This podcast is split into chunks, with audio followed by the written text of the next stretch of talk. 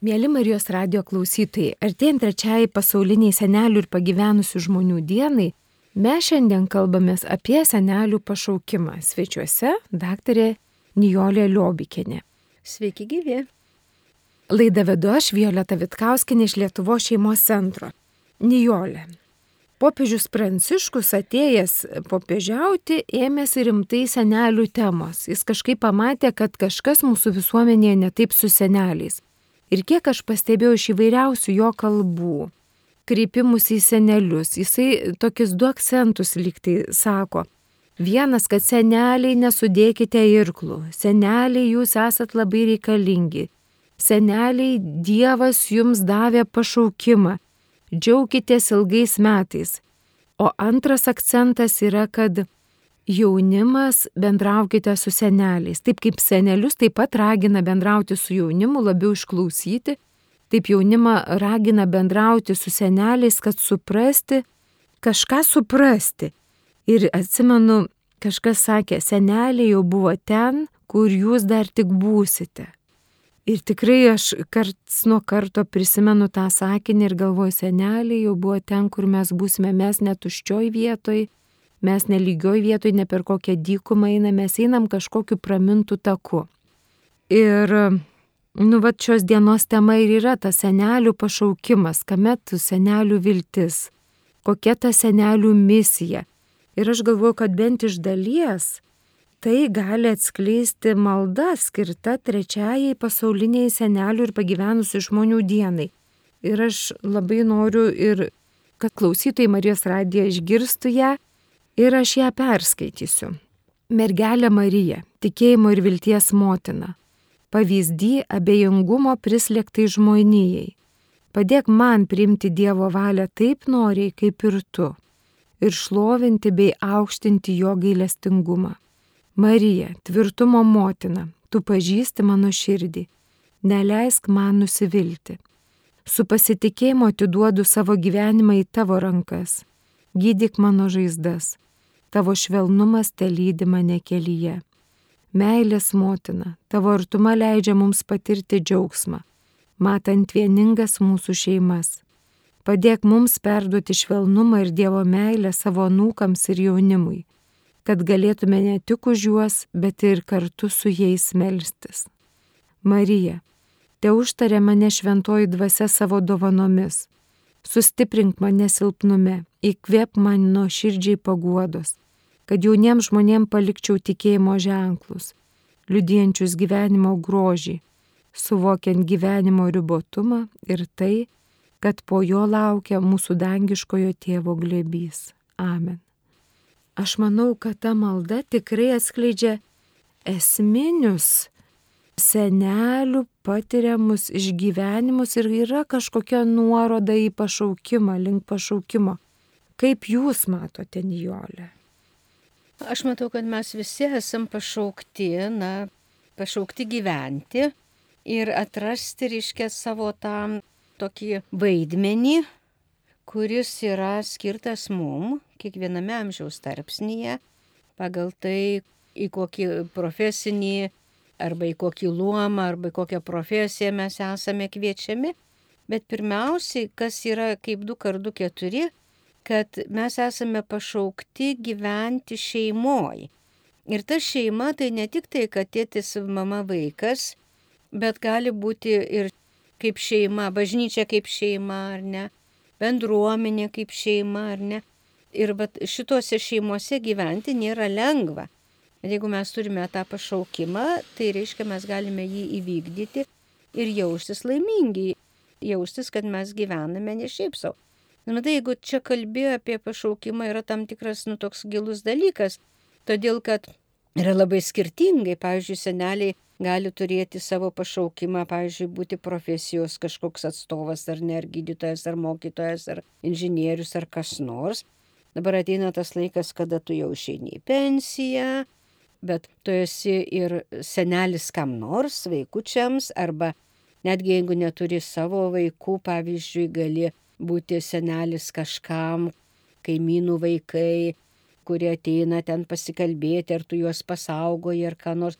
Žodžiu, čia yra labai daug būdų, tą tėviškumą ir motiniškumą, kuri yra kaip, nu, toks universalus kiekvieno žmogaus pašaukimas. Juk mes kalbame apie tėvystę ir motinystę, tai ne tik tai apie biologinę, tai yra socialinė, tai yra dvasinė. Tai va šitą prasme, kada mūsų kūno jėgos jau mažėja ir atsiranda tam tikri dalykai sveikatos problemos ir, ir taip toliau, bet atsiranda taip pat ir tam tikras laiko klausimas, kada mes neturim galbūt tiek daug įsipareigojimų arba negalime jau jų turėti dėl savo amžiaus ir dėl sveikatos. Bet mes galime tą realizuoti pašaukimą būti tarp žmonių ir būti žmogumi kitais būdais. Man atrodo, kad jau krikščionim ir ypatingai katalikam čia tiek atsiskleidžia dalykų. Pavyzdžiui, nuolatinė malda už ką nors. Dalyvavimas adoracija, jeigu gali dalyvauti, jeigu negali nueiti, dabar yra tiesiog gali išklausyti ką nors. Galų gale, gal dar galiu skaityti, tai yra toks malonumas rasti knygas ir jas apmastyti ir paskui kaip įdomu gali būti su jaunais žmonėmis apie tai padiskutuoti. Galų gale mylėti jaunus žmonės ir su jais bendrauti ir kalbėtis ir klausyti ir pirmiausia jų išklausyti, tada pasidalinti, reiškia yra daugybė, daugybė dalykų. Kartais, aišku, tas mūsų pašaukimas toksai būna nusudėtingas, jį sunku atpažinti. Kartais seneliai dėl to, kad galbūt aplinka tokia arba jie patys nelabai save myli, pavyzdžiui, bando nurašyti save. Jau aš niekam netinku, jau aš nieko nemoku. Tikrai, tie jausmai būna ir jie visiškai tokie. Bet gal aš galiu padėti kitam žmogui ir aš žinau tokių atvejų, kur jau tikrai, nu, moteris pagyvenusi ir jau, taip sakant, jau amžiuje, močiutės amžiuje, jinai neturi savo vaikų, bet jinai nepaprastai daugam padeda kitom moteriškiam, kurios ten ir serga. Ir iškia būna nelaimingos ir panašiai, jinai ir lanko, ir padeda, ir kalbasi, ir, žodžiu, knygas skaito ir tada aptaria. Iškia mes visada galime gyvendami šitoj žemėje, mesgi pašaukti į pasaulį ne šiaip, mes pašaukti, kad ugdytume meilę savyje ir meilę aplinkai. Santykis mūsų turėtų būti kažkoks va toks mylintis, suprantantis, nes, nu, iš tiesų, gyvenimo ta patirtis leidžia tau suprasti tuos jaunus žmonės, kurie pasimetę, sutrikę, žinai, nežino, kur, kas čia dabar, kas čia, kaip čia dabar orientuoti, žinai, jie gali rasti nusiraminimą, jie gali rasti išklausimą, galų gale netgi prasminti savo gyvenimą kokiu tai savo atminimų parašymu arba susirasti grupę, su kuria galėtum bendrauti, kartu melstis, kartu kur nors pakeliauti, kartu aptarti kokius nors dalykus. Reiškia, ta gyvenimo pilnatvė, negali jo palaidoti prieš mirtį. Reiškia, tu gali net ir lovai gulėdamas ir nelabai judėdamas, kas aišku nelabai malonu, bet tu gali labai įprasminti savo gyvenimą. Čia ir Franklio, žinai. Jeigu tu atrasi gyvenimo prasme, tu išliksi ir tai yra nepaprastai svarbus dalykas. O į seniems žmonėms atrasti gyvenimo prasme tikrai yra galimybių. Tik tai reikia nu apie tai pagalvoti. Tikrai reikia apie tai pagalvoti, nes aš vėlgi pamenu tą man palikusią didžiulį įspūdį Vatikano konferenciją, kurioje buvo kalbama apie senelystę ir apie toks keliamas klausimas, kame yra senelių viltis. Nes vaiko viltis yra užaukti, tapti suaugusiu. Suaugusio viltis yra pasiekti karjerą, sukurti šeimą, įsikurti ir kurti kažkaip šį pasaulį. O kur senelio viltis? Numirti? Nu kaip ir ne. Tai kaip gyventi va šitą galutinį etapą, kai nustengiamės lik per daug apie tą mirtį negalvoti, gyvenimo tikslas nežinau, sunku priimti lyg tai tą savo senėjimą, nes tikrai neini jaunin, o dabar, kai tokia mada būti amžinai jaunam, amžinai gražiam, be raukšlių ir panašiai, tas darosi tikrai sunku priimti tą senatvę, po truputį kūno, sakykime, ribotumus. Ir man buvo labai įdomu tas kad pagaliau pirmą kartą Lietuvoje pamačiau knygas skirtas seneliams, kaip yra knygos jam žinti vat, vaikų, tenai pirmas dantukas, pirmas žingsnis, pirmas žodis ir panašiai. Tai yra senelių prisiminimai. Aš nepamenu, kuri ten leidikla išleido, paskui atsirado antra knyga, tai bent dvi knygos yra užrašyti senelių prisiminimams. Ir man atrodo, tai yra taip teisinga, taip gera, taip reikalinga, nes senelius netai paprasta prakalbinti, jeigu neprakalbinam, jie ir patys nepamato, kokį gražų gyvenimą jie nugyveno, kiek įdomių dalykų jam nutiko, kokias jie pamokas iš to išmoko. Tikrai gali ir patys seneliai nepastebėti, o kas baisiausia, kad mes irgi nepastebėsim ir tada nei mes galim įgyti tos išminties, nei mes galim kažkaip pasinaudoti to, kas yra iš tikrųjų visai arti. Ir aš dar galvoju, tada, vat, kad mes galėtume pasinaudoti, mums reikia vieni kitus išgirsti. Ir klausimas mano būtų toks, Nijolė, o jum lengva išklausyti, pavyzdžiui, vaikus arba anūkus? Arba jeigu jūsų klausia, ar jum lengva atsiverti? Matai, galbūt man lengviau, todėl kad aš turėjau gerus mokytojus. Mano mokytojai buvo mano tėvai. Aš turėjau ir močiutę iš mamytės pusės, kuri buvo labai tvirta asmenybė. Įsivaizduoju, kad jinai pabėgo iš Sibiro tremties, būdama jau amžiai ir išsislapsti. Aš turėjau kitą močiutę, kuri nebuvo mano tikra močiutė, tai buvo mano ryškė tetutė jau dabar amžinatėsi, bet aš taip pat turėjau nemažai pagyvenusių ir jau, sakytum, dabar senų žmonių, kurio buvo nepaprastai išmintingi, nepaprastai mylintys, nepaprastai globojantis. Ir iš aš jų tiek daug išmokau, kad man dabar kažkaip, nu vad kalbėti arba būti su jaunai žmonėm ir atsakyti jų klausimus. Ne vienas jų klausimas mane nešokiruoja. Aš kažkaip sakau, tai gerai, ai, nu čia, žinai, kiti nedrįsta klausti, o jūs klausėte, tai gerai, tai dabar pagalvokime. Man patiko visada dirbti su studentais, su jaunai žmonėm. Man ir dabar patinka komunikuoti su jaunom šeimom ir juokauti ir taip toliau. Aš jaučiu, kad mes kalbamės. Bet matai, čia tam turi kažkaip išsiugdyti va tą, kaip tu sakai, pašaukimą. Mhm. Nes jeigu senelis e, nori pasivyti jaunystę ir maždaug galvodamas, kad dabar jaunystės kultas, tai aš turiu mėgdžioti, tu netampi autentiškas. Prarandi kažką. Prarandi save. kažką ir pavyzdžiui, mano raukšlis tai mano turtas. Tai rodo, kad aš jau ne jauniklė, bet kad aš sukaupiau kažkokią gyvenimo patirtį.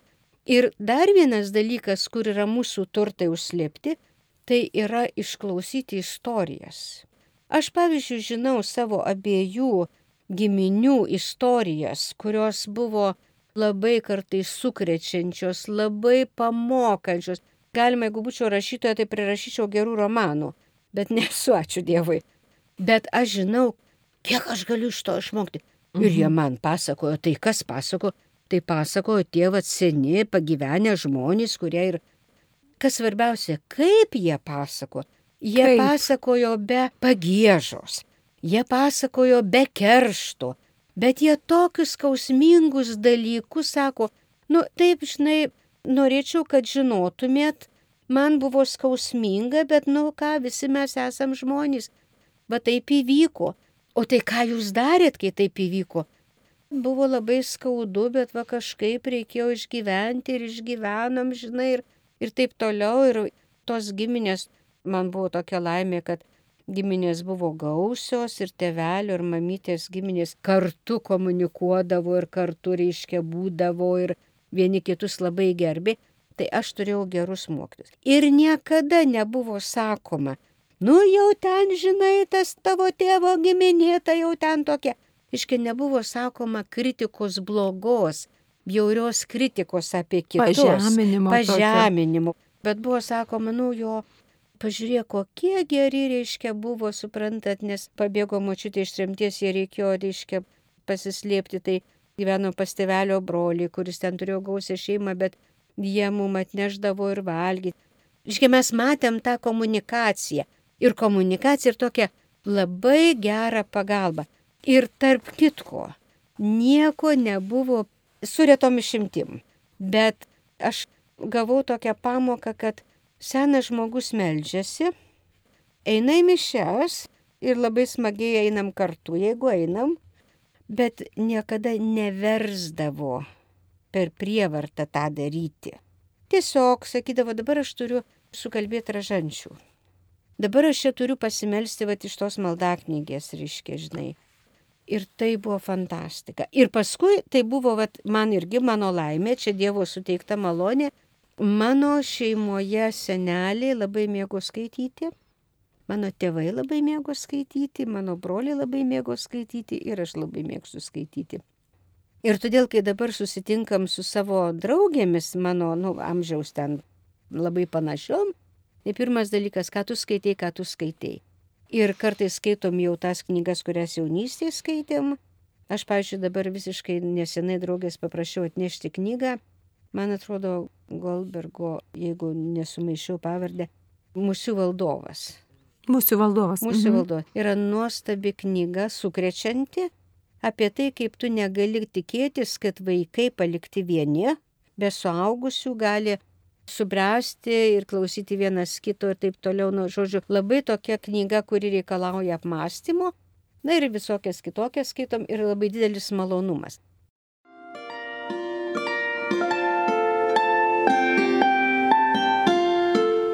Jūs girdite Marijos radiją.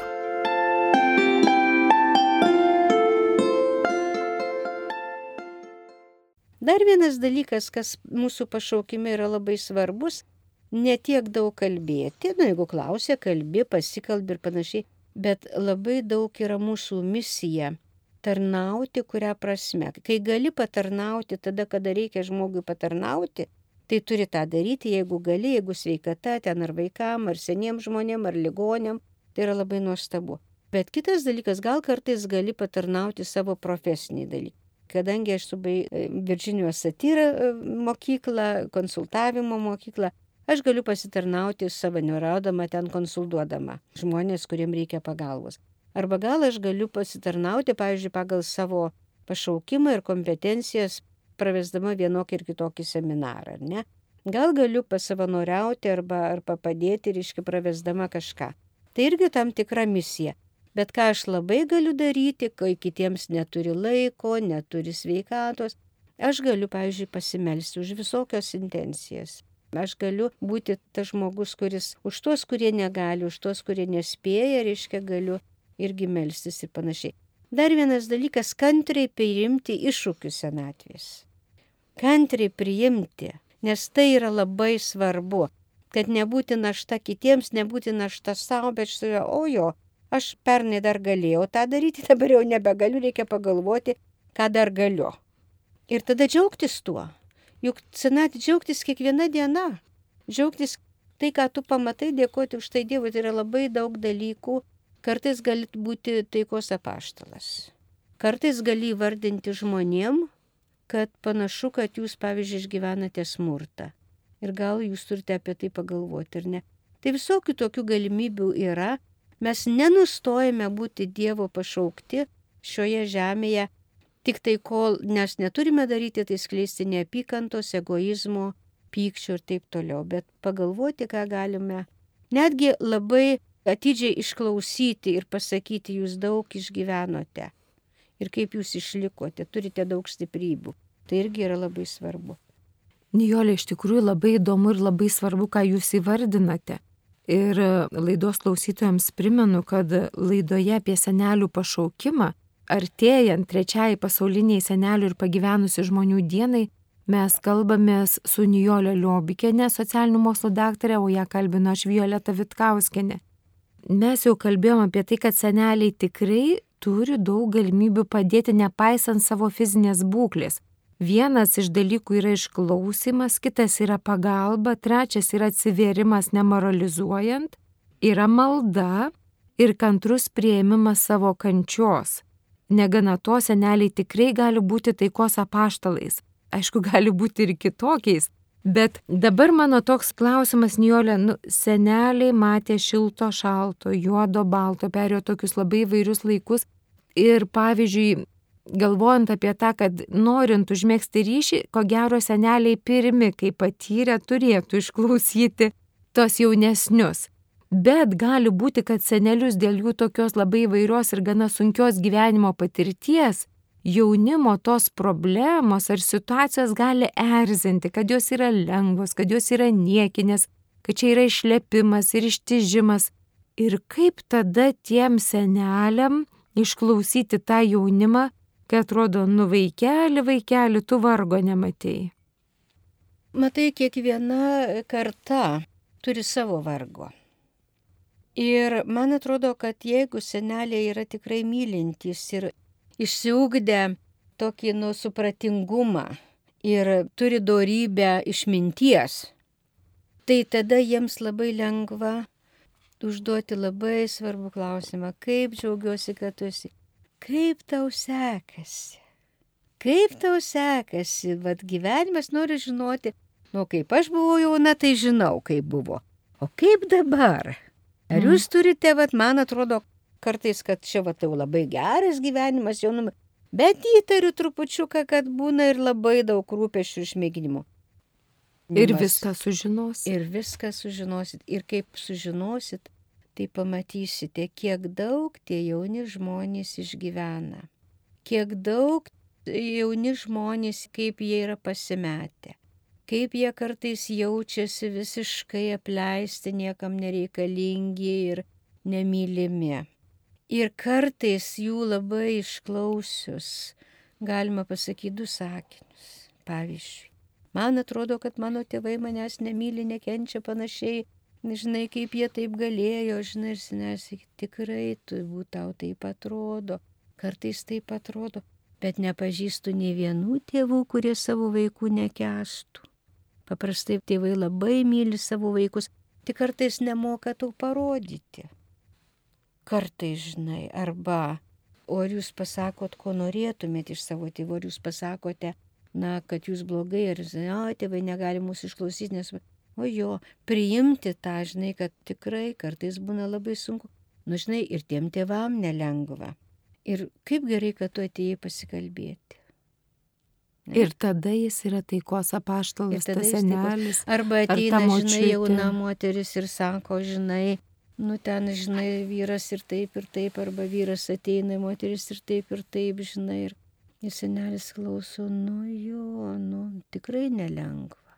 Tikrai, žinai, bet ko gero, nu vad, kai tuokėtės, ne, tai vad ta meilė vis tiek jinai kažkaip yra, žinai, kartais sunku susikalbėti. Kartais galima ką nors arba kartais papasakoji tam tikrą istoriją reiškia, tas išklausimas jau tai, kad tu atidžiai klausai. Ir kartais sakai, aš tikrai girdžiu, nu, žinai, šeimos gyvenimas niekada nebuvo lengvas. Pilnas šventasis raštas istorijų labai skausmingų. Nepaisant labai gražių vestuvių. Nepaisant labai gražių, ar ne? Kad tai yra nelengva, žinai, bet vis tiek, ko gero, yra ta meilė. Pasikalbėjom, jeigu tu gali pasakyti ką nors, bet nepradėti, tu daryk taip, ne, ne, ne aš galvoju, kad gal kartais aš šitoj situacijoje daryčiau va taip. Bet aš jau žinai. Bet gal tas žmogus pagalvos. Iš kitos pusės tai, kad jis atėjo ir tau pasipasako, tai tu bent gali pasakyti, jeigu žinai, aš tikrai noriu padėti, bet kitaip negaliu, bet aš melsiuosi. Melsiuosi už tai, kad ta meilė gyvuotų, žinai, nenusimenkit. Vis tiek, žinai, kartais mes kopiam į kalną, o į kalną kopti labai sunku tu randi tą, paprastai seni žmonės, jie kažkaip randa tokių, nu tokių paprastų pasakymų, nu bet tokių, žinai, dešimtuką. Taip. Bet žinoma, jie neturi įsijausti į mokytojo nu, tokį vaidmenį, žinai, iš išorės eksperto, žinai, aš dabar jūs pamokysiu. Tai ką čia jūs neturite? Kiekvienai kartai jos rūpeščiai yra patys svarbiausi. Jeigu seneliai galvojo, o Dieve, jeigu gaučiau, reiškia, perkelio savo suknelę vasarinę pasisiūdinti. Tai dabar galvoju, bet jeigu aš ten gaučiau va tą ir aną, žinai, va ten kažką, ten nežinau, mobiliaką ten jau kažkokį, tai jau tada. Tai turi tą suprasti, kiekvienam laikmečiui savo, savo dalykai. Bet rūpestis tai yra. Ir tai sakyti, oi, žinai, tikrai, nu man labai sunku, ką žinai, bet pagalvok, o gal galima kažkaip, gal galima, žinai, o gal čia vietoj to galima ką nors kitą, žinai, ir panašiai. Vis tiek tie seneliai randa. Labai išmintikiai seneliai kartais mato, kad tėvams reikia pagalbos. Taip. Tai jie tada ateina pas tėvus ir sako, dabar noriu pasikalbėti, bet labai konfidencialiai. Ar jūs negalvojate, kad turėtumėte atkreipdėmėsi į tą ir tą ir tą ir tą, jeigu jūsų santykėje su vaikais? Kartais tas labai padeda. Tai čia vat jau senelių išmintis ir Dievo malonė gali labai padėti. Jeigu senelis tampa dar labiau ryškiai egocentriškas ir maždaug elgesi savo elgesiu kaip paauglys, penkiolikmetis, tada mes nelabai turim apie ką kalbėti. Tada aš pasiūlyčiau tokiems seneliams priimti tą senatvę ir mokytis išminties. Senatvė yra nelengvas laikas, nes tai yra nuolatinis gedėjimas. Netgi nuolatinis gedėjimas ta prasme, kad tu galėjai, dabar jau nebegali. Kad tu buvai labai gerbiamas ir žinomas, dabar turi trupučiuką atsitraukti, nes jau dabar praėjo tas tavo laikas, žvaigždė nusileidžia, yra kitos žvaigždės. Bet tai nėra pats blogiausias dalykas. Šitas gedėjimas tai yra tuo, kad tu gali priimti tą naują realybę ir pasakyti ačiū tau Dieve, dabar pagalvosiu, kaip tie to pristaikyti ir kaip rasti to prisitaikymo prasme. Kaip įprasminti šitas dienas, kurias dar turiu. Patikėkit manim, taip, tai nėra lengva. Nes yra ir tos vienatvės, žinai, ir tokio, at pilna konkuliavo, reiškia pilna darbų, pilna sustikimų. Nu taip, viskas praeina ir tas laikas praėjo, atėjo jauna karta, nauji žmonės, tai tada ras ką nors kitą, kad tau būtų prasminga. Tai čia būtų tas išmokimas iš pirmo smuiko pereiti į antrą. Absoliutiškai. Aš pamenu, kaip mano tėtis jau amžinatlis sakė, nu vaikai, aš jau nebesuprantu, kaip čia dabar gyventi, biški suprantu, bet jau biški ir nesuprantu, jau dabar jūs turit mus pamokyti, ką čia reiškia. Ir aš galvoju, hmm, gerai. Ta prasme, visada buvo toks komfortas su tėčiu, kadangi jis taip palaipsniui nueidavo nuo arenos. Ir nepasakyčiau, kad jis jautėsi, kad, oi, aš netenku čia savo rolės. Kaip tik jis sako, aš čia į Kauną važiuoti jau nebegaliu vairuoti, jau reakcija ne ta. Paskui sako, nu jau ir į tauragę nebegaliu važiuoti, nes jau reakcija ne ta. Ir ilgai jis važinėjo su tuo automobiliu. Bet tas supratimas, kad va čia negaliu, čia dar galiu, čia negaliu, čia dar galiu. Ir kažkaip, kad aš būčiau mačius, kad jis pergyvena dėl to, man netrodo. Man atrodo, jisai kažkaip ramiai ėjo savo keliu. Ajo, bet nebūk tokia utopistė, kad jis nepergyveno. Kad jis tą pripažino labai realiai ir pasakė, fantastika. Bet mm. kai tu tą suvoki, žinai, nu jo, mhm. bet tada ką tu su tuo darai? Taip. Tavo tėvelis labai žinai. Bet viduj, aha, aš jau nebe, įdomu, kiek dar nebegalėsiu, žinai, tai trupučiukai yra. Yra to nerimo. Mm -hmm. Žinoma, jeigu esi, nu, kaip pasakyti, jis buvo apdovanotas išmintimi. Tikrai. Jeigu nesi labai išmintintai, gali būti, o toks šokas, kad, žinai, baisus dalykas. Nu, man teko sutikti ir tokių žmonių, kur sako, aš visą gyvenimą vairavau ir dar vairuosiu, matosi, kad žmogus tikrai jau amžiai ir labai mm, prastai Taip. Bet pripažinti to negali, Taip, yra, va, atsitraukti nuo vairavimo negali. Čia yra tam tikros netektys. Ta aš įvardinu kaip tam tikrų sveikatos suprastėjimas. Pavyzdžiui, man ilgą laiką nereikėjo Mano buvo labai gera atmintis. Dabar aš buvau labai įsigandus po COVID, nesupratau, aš taip įsigandau, kaip aš čia dabar. Paskui galvoju, o tai palauk. Mano draugė sako, nu, tai žinai, šitam amžiaus tarpsnėje normalu, kad kartais užskrenta. Ir tada priimi tą, žinai. Ir, mm -hmm. ir mhm. tada, bet vis tiek trupučiuką. Arba ten galėjau tą ir aną, o dabar nebegaliu. Tada turi pasirinkti, ką tu dar gali ir ką tu gali padaryti, bet nesipulti, žinai, neikti tą, neigimas tai yra gynybinis mechanizmas, bet jisai šiuo metu toksai, va taip. Tai aš manau, kad tai yra, va tai, ką mes pradedam kalbėti, iš tiesų yra vėlgi, tu senatvėje gali pasiruošti, bet nuolat turi mokytis priimti tai, kas tau ateina kartu su amžiumi. Ir tarp kitko, dar yra vienas dalykas, kad pas mus santykis su mirtimi yra labai prastas. Reiškia, arba mes tyčiojamės iš mirties, arba ją neigiam ir vaizduojam, kad čia nieko nebus ir čia maždaug vos ne, arba kaip tik galvojame, kad čia vat reikia, žinai, nu, vat kažkaip reikia pagreitinti tą mirtį ir panašiai. Yra įvairūs tie dalykai. Tai, pavyzdžiui, jeigu jau taip galvoti apie žmogų, tai tiesa yra neginčiama ir jinai visada įvyksta, tai yra, kad kiekvienas žmogus kaip gimė, taip ir numirs. Ir tada va, tas atsisveikinimas, tas pasirengimas, labai gražiai, peržiūrimas savo gyvenimo, ką galiu dar padaryti, žinai, ką dar reikėtų padaryti. Tai yra ruošimasis kelioniai. Ir jeigu žmogus tiki amžinai gyvenimą, o aš tikiu, tai aš žinau, kad tai yra perėjimas, kad ten manęs laukia labai mylimi žmonės ir kad nesibaigia gyvenimas su karšto lenta. Nes jeigu su karšto lenta baigėsi, aplamai nėra pomirtinio gyvenimo, nu tai tada šakės, žinai, jau tada nėra ką. Bet tas vat, žinojimas, kad yra kažkas, kur aš perėsiu tą slengstį, kuris yra sudėtingas labai, bet aš jį peržengsiu ir tada manęs ten laukia amžinasis gyvenimas, tas godžia. Bet tam egzaminui pasiruošti, nu, kartais irgi trupučiuką turi pagalvoti. Ir štai turbūt Dievas duoda seniem žmonėm, nu, pailsėk dabar, jau, jau užtenka. Žinai. Apmastyk. Apmastyk, trupučiuką sustok. Ir tai yra gerai. Ir tai yra gerai. Aš visada sakau, senatvė yra labai geras amžiaus tarpsnis. Tu tampi labiau autentiškas, tau nereikia bijoti, oi kaip aš dabar apsirengiau, kaip aš dabar atrodo, kaip čia kiti į mane žiūri. Nu ir kas, kaip jau noriu, taip ir apsirengiu ir taip, žinai, jeigu jie nori žiūrėti, tegul žiūri, o man kas. Aš labiau tampu savimi, taip kad yra daug privalumų. Ir Karlavas Gustavas Jungas sakė, kad antros pusės gyvenimo ir viduramžio krizė yra tikėjimo krizė kol žmogus neprima minties apie pomirtinį gyvenimą ir Dievą, tol jis negali nurimti, tol jis negali vėl atsistoti į tas vėžes, kurios yra reikalingos ramiai senti. Taip, taip. Tai labai įdomu, kad sutampa vat, ir bažnyčios, toks atrodo ir Dievo užmanimas, ir ta psichologija taip. tikrai veda tą pačią kryptimį. Dabar jau laidos laikui lekiant į pabaigą aš noriu priminti mėlyms klausytojams, kad popiežius Pranciškus labai kviečia šiais metais palydėti senelius į bažnyčią, nes po pandemijos gal atsirado daugiau kliūčių ir išorinių, ir vidinių, kad e, nuvykti į bažnyčią. Palydėkime senelius į bažnyčią Liepos 23 ir Liepos 30.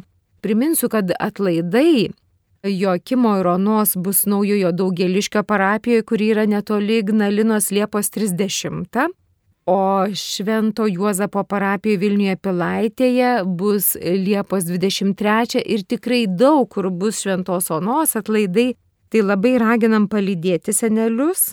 Ir apibendrinant laidą noriu pasakyti, kad esminiai dalykai apie senelių pašaukimą, kad jie turi labai daug galimybių, nors atrodo sensant lyg tai galimybės mažėjo, Nijolė jūs atskleidėt, kad jų daugėja seneliai tikrai visada gali išklausyti arba padėti, jeigu nedarbu, tai malda. Galbūt profesiškai padėti ir gali atsiverti ir pasakoti savo istorijas, nenorėdami pamoralizuoti, bet iš tiesų papasakoti, kaip aš gyvenau. Negana to, jeigu seneliai kantriai priims savo senatvės iššūkius ar kūno skausmus ar, ar dvasinius tokius sunkumus ir paukos Dievui, jie gali paukoti ir už anūkus, ir už labai daug dalykų ir jie tikrai gali būti taikos apaštalai. Tai, Nijolė, aš noriu vat paskutinius porą jūsų sakinių apie ko jūs linkėtumėt seneliams, kuriem netaip gal kiekviena diena ir lengva. Gal ne viskas taip, kaip jie norėjo, gal vaikų, anūkų gyvenimai nepilnai susiklosti ir gal yra koks širdagraužis. Palinkėkite jiems ką gero. Taip, aš noriu palinkėti seneliams, kad jie kantriai priimtų iššūkius, Jeigu jiems reikalinga pagalba, jie gali kreiptis arba nueiti ir pas kunigą pasikalbėti ar, ar šiaip su kuo nors.